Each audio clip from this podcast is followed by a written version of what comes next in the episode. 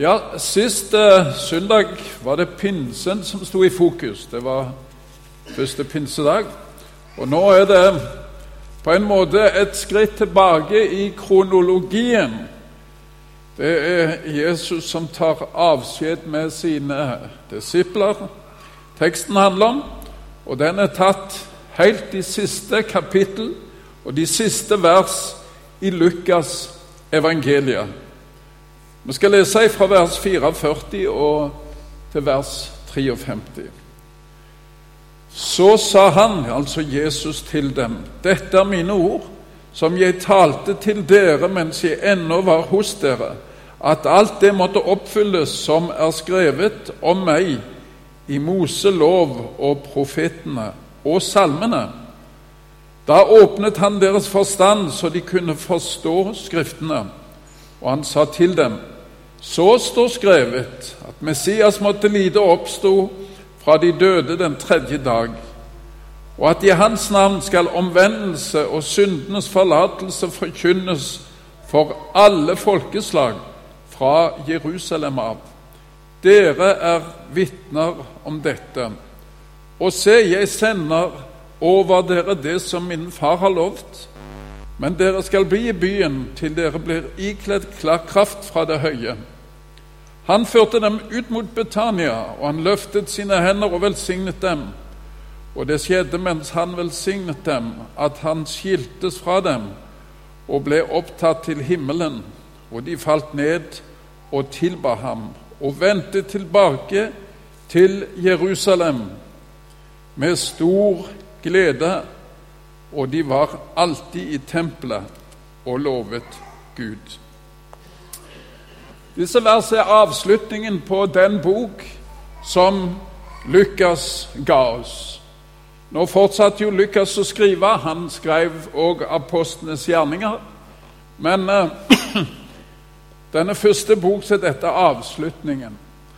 Og Da var det interessant når jeg satt og jobbet med dette, å slå opp helt i begynnelsen av denne bok og se hva han hadde som hensikt når han skrev den. Og Boka her ble skrevet til en venn av han som heter Theofilus. På gresk betyr det 'den som elsker Gud'. Og han var hedning, han var ikke jøde. Og Vi skal lese sammen de ord som Lukas skrev som en innledning og som en eh, motivasjon for det som han har skrevet i denne bok.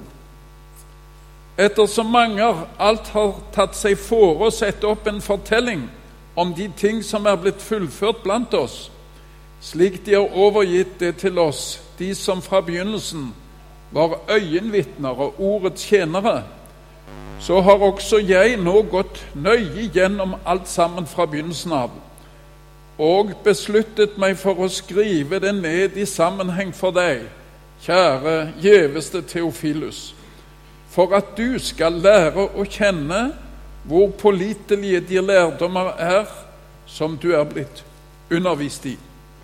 Jaha.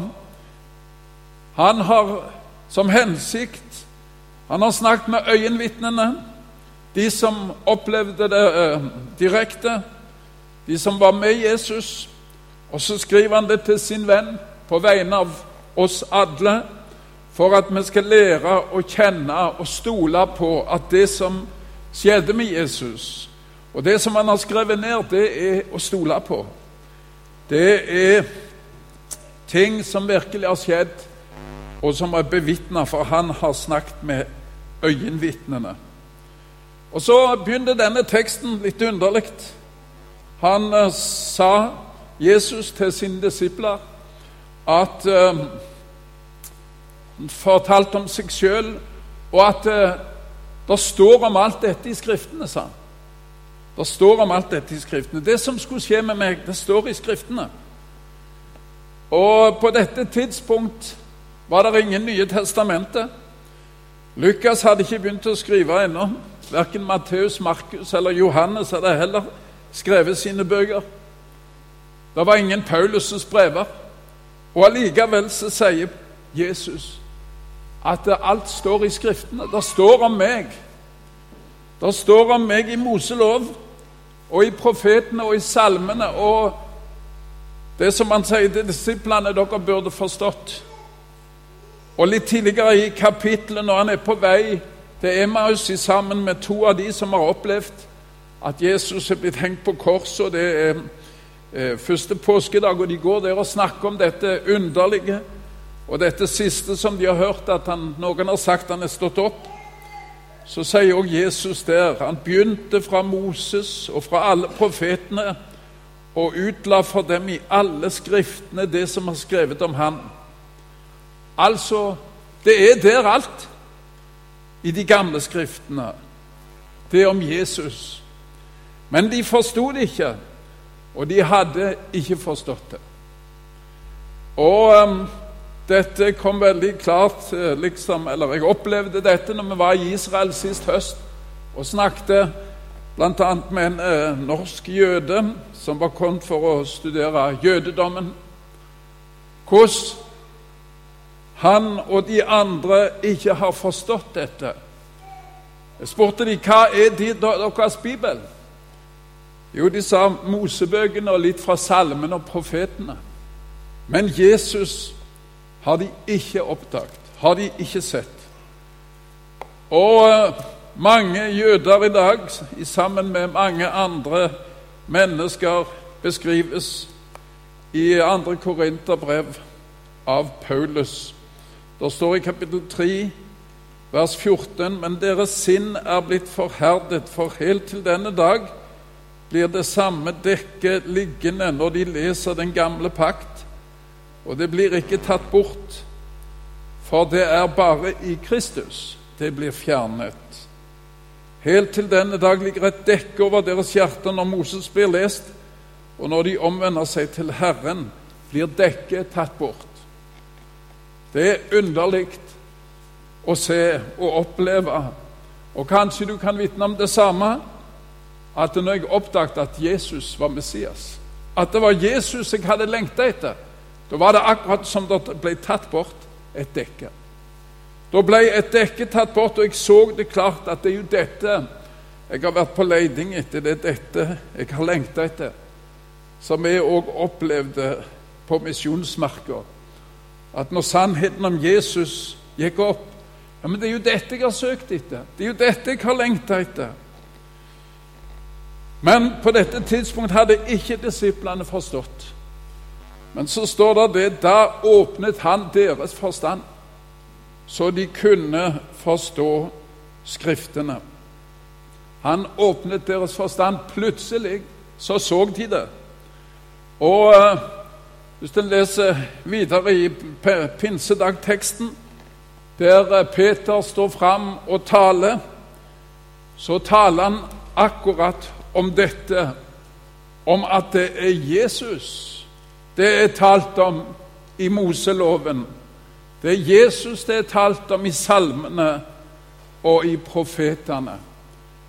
Det er underlig å se den forandring som, som eh, skjer hos eh, Peter når øynene er blitt åpna, og når Den hellige ånd kommer og viser dem at det innholdet i alle skriftene, det er Jesus. Han åpnet deres forstand, sto det her. Og dette med forstand forbinder vi ofte med intelligens. Den som har høy intelligens, den uh, har god forstand. Og når en sitter på Internett og søker eller leser aviser fra forskjellige land, så kommer det ofte opp et bilde eller et vindu som spør vil du teste intelligensen din. Så kan du gå inn og så fyller du ut en del spørsmål og svarer på en del ting. Nå skal jeg ikke røpe hvor mange poeng jeg fikk, men det går an å teste intelligensen. Iallfall sånn noenlunde. Men det er ikke den forstanden Jesus eller det taler om i denne skriften. Det er en helt spesiell forstand. Og det er en forstand til å forstå at Jesus er Messias. Til å få innsikt i den nåde som han tilbyr menneskene, og det håp som han tilbyr menneskene, håp for sjel og evighet.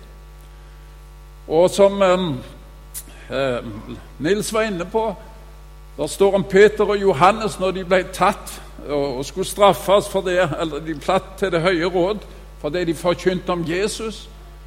Så står det at eh, de talte sterkt om at Jesus var oppfyllelsen av Skriften, og så står det at de undret seg, disse lærde, fordi de var ulærde og lege menn, står det. De var ulærde og lege menn. Men det hindra de ikke i å ha fått verdens beste forstand til å forstå Skriftene. I vers 50-52 i teksten står det at han tok de med seg ut til Betania. Og så reiste han, velsigna de, og så reiste han opp til himmelen. Det gjorde Jesus. Og så ga han de et oppdrag om at omvendelse og syndenes forlatelse skulle forkynnes for alle folkeslag fra Jerusalem av og like til jordens ende. Det kunne jo virke som et hasardspill eller som en stor sjanse å ta. Der har han altså dette viktige budskap som skal ut til verdens ende. Og hvem er det som får oppdraget? Det er elleve ulærde menn som får dette oppdraget. Med den utfordringen Dette som jeg nå har fortalt dere, det skal ut til verdens ende. Det skal ut til alle folkeslag. Og eh, hadde det vært i dag med mobil og Internett og kommunikasjonsmidler, så kunne en kanskje sagt sånn Ok, det skal vi prøve på. Vi får reise i hver vår retning. Og så se om vi kan få fortalt det rundt omkring. Men på den tid Tenk det hvordan det måtte virke på disse menn. Dette budskapet skal til jordens ende. Og så er dette budskapet og dette oppdraget ennå ikke fullført. Nå skjedde det Nå var de ikke bare elleve lenge. Det, på pinsedag ble det 3000 omvendt, så da var de 3011. Med dette oppdraget gå ut og forkynne. Jeg leste en grov statistikk. Jeg vet ikke om jeg har det akkurat riktig, men det var en som talte om det. At hvis jeg er en stor predikant og taler rundt om til masse mennesker Og hvis jeg klarer å vinne 10 000 mennesker i året, og jeg har et langt liv, så vil det ta meg 15 1500 år før jeg har kommet rundt og talt til alle mennesker. Men hvis jeg i, år, 2013, klarer å vinne én person for Jesus Og hvis vi to i 2014 klarer å vinne én hver Og hvis det i 2015 vi tre da klarer å vinne enda en til, eller fem Da vil det ta 35 år før alle mennesker på jorda har hørt evangeliet. Så det sier litt, kanskje, om hvor viktig det er at dette oppdraget gjelder ikke bare predikanter og prester og profeter, men det, det gjelder alle mennesker. Og målet vårt trenger ikke være større, for å si det sånn, enn å prøve å vinne den ene Å prøve å dele med han dette oppdraget, at dette budskapet må vi spre ut til hele verden, eller til våre venner. Når Jesus eh, talte på den siste kvelden til disiplene, så sa han jeg vil ikke etterlate dere farløse. Jeg kommer til dere. Jeg skal sende Den hellige ånd til dere. Og han skal være sammen med dere og han skal forklare dere alle ting. Og du verden for en forskjell blei når Den hellige ånd kom og fikk virke i disse disiplene og i de troende. De måtte rømme ut fra Jerusalem. Det ble forfølgelse. Og så spredte evangeliet seg ut fra Jerusalem fordi de som hadde fått troen på Jesus, de bar med seg vitnesbyrdet og var så brennende at overalt så smitta denne troen. Og folk tok imot Jesus i tro, så, så gir um, Paulus um, oss kristne, av oss som har opplevd evangeliet, denne utfordringen i 2. Korinterbrev, kapittel 5, 15. Um, at um, den som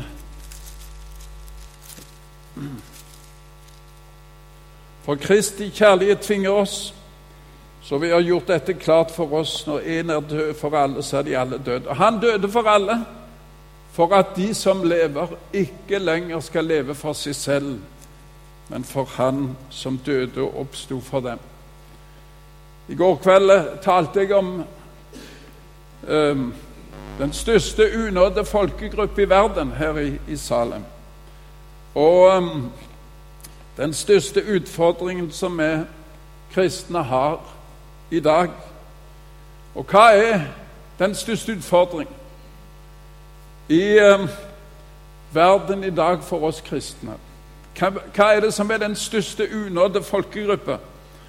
Vi er syv, over syv milliarder mennesker i verden.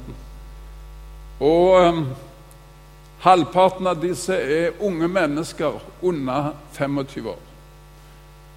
Og fra én vinkel så er dette den største unådde folkegruppa i denne verden. Og så vet vi òg det at de fleste blir kristne før de er 25 år. Og der har vi en stor utfordring. Samtidig som vi ser at det er en ungdomskultur, global ungdomskultur, som griper om seg og blir den samme. Ungdom over hele verden blir prega av den samme kultur. Der eh, en del kjendiser blir Gud, der de har tilgang til samme medier og påvirka av både den samme filmer og musikk og alt dette. Og mye i denne kulturen er tragisk. Mye i denne kulturen er tomhet. Og mye i denne kulturen har avskrevet Gud og har avskrevet det som er rett og galt, ut ifra Guds ord. Men samtidig så sier de som forsker på denne kulturen, at ungdom er åpne for alt. De er òg åpne for Jesus.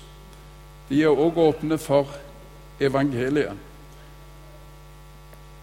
Og eh, hvis det er sånn, og Jesus sier 'dere er mine vitner', så er det altså ikke nok at vi f.eks. her i Salem bare gir en god kollekt og tenker at nå har jeg gjort mitt for utbredelsen av evangeliet denne uka, gir en god kollekt, og så er det, har vi sendt ut noen som tar seg av forkynnelsen av evangeliet på mine vegne. Hvis det er sånn at ungdom under 25 år og de som bor iblant, er den største unådde folkegruppe, da angår det oss alle.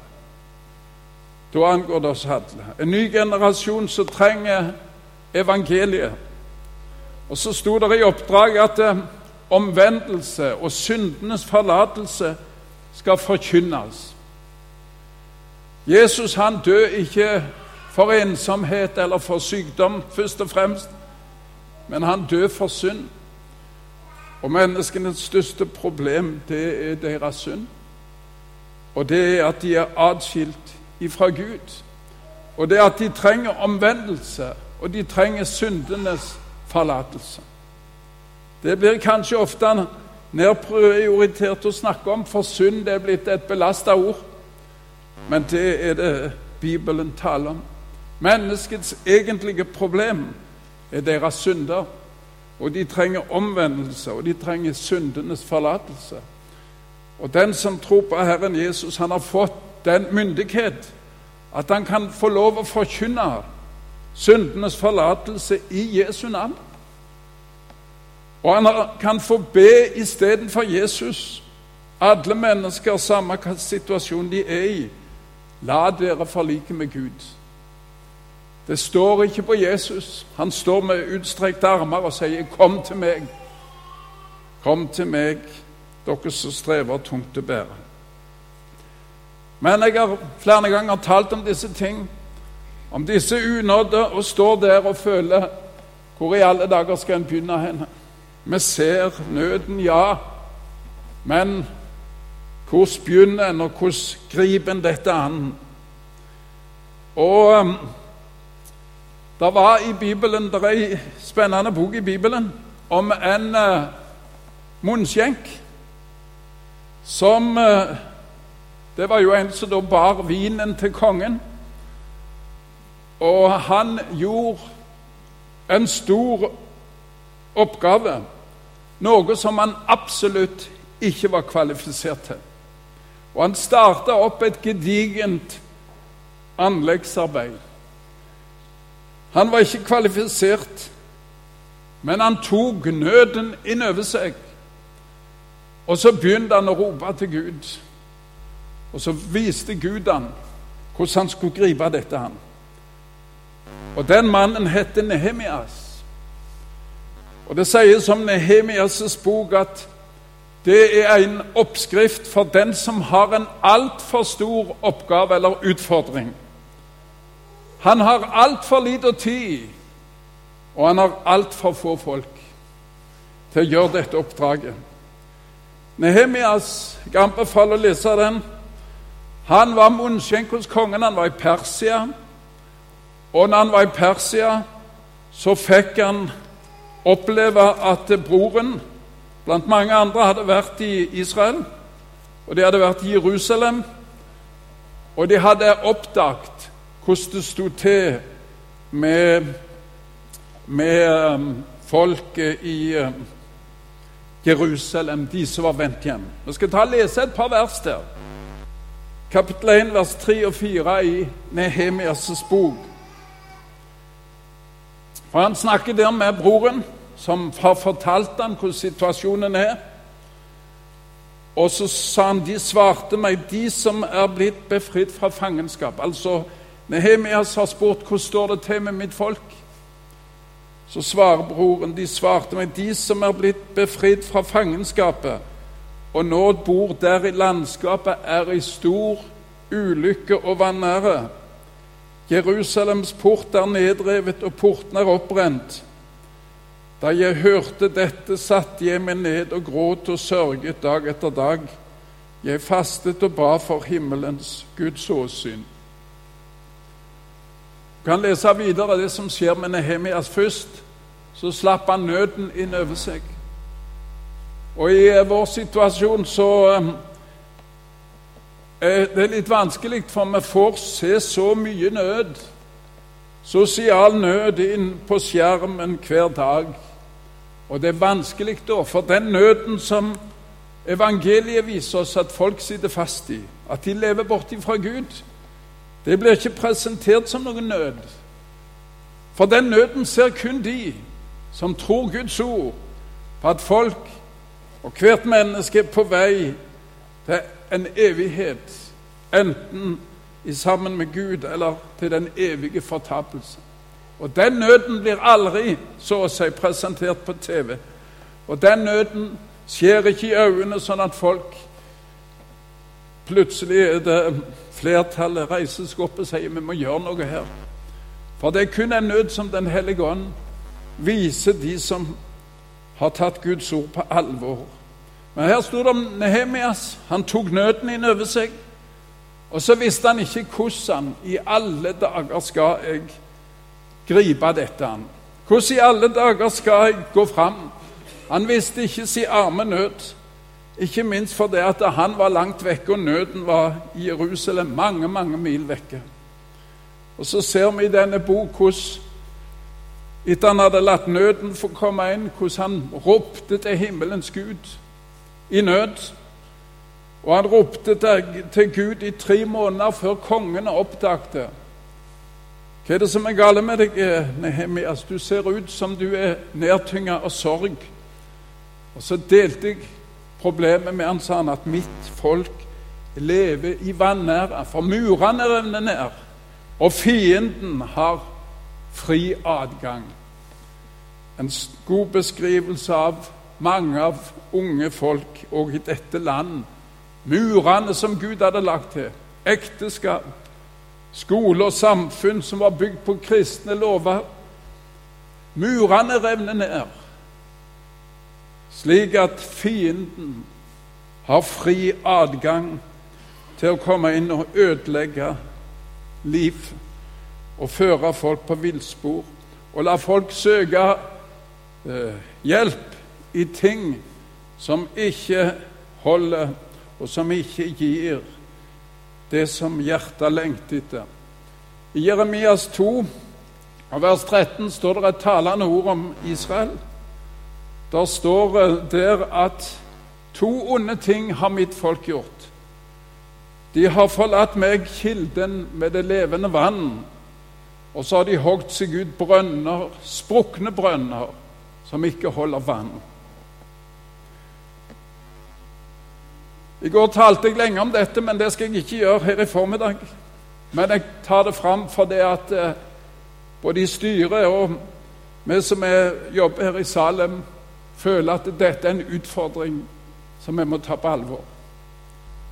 Vi må ta på alvor at det er folk som bor rundt oss, som vi har kanskje vi har fått ansvaret for, eller som er i vårt nedslagsfelt, som ikke kjenner Gud. Det er mange mennesker her i denne byen, mange unge mennesker, som går i stor nød, ikke minst for at murene er revnet ned, og kunnskapen om Gud er på vei bort fra vårt folk.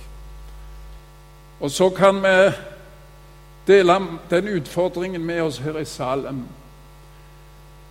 Hvis Redningsselskapet kun hadde vært en møteplass der folk kom sammen og diskuterte hvor synd det var på alle de som forliste ute i sjøen, og satt der og venta på at de som holder på å drukne, de får komme sjøl banka på døra og spør om vi kan komme og redde dem. Da hadde alle rista på hodet og sagt nei, det der, er, det der er fullstendig idioti. Men litt av det har vi i kristne forsamlinger, kanskje her i landet. Og jeg kjenner det veldig godt igjen sjøl. Vi sitter og taler, og vi sammen om Guds ord, og så håper vi på at de som drukner, vil komme og melde seg og slå seg i sammen med oss. Men veien, den er ikke så lett å se. Men i uh, Nehemias bok så har vi en oppskrift. Det begynner med å rope til Herren. Vis oss en vei, og hjelp oss til å ta utfordringen på alvor.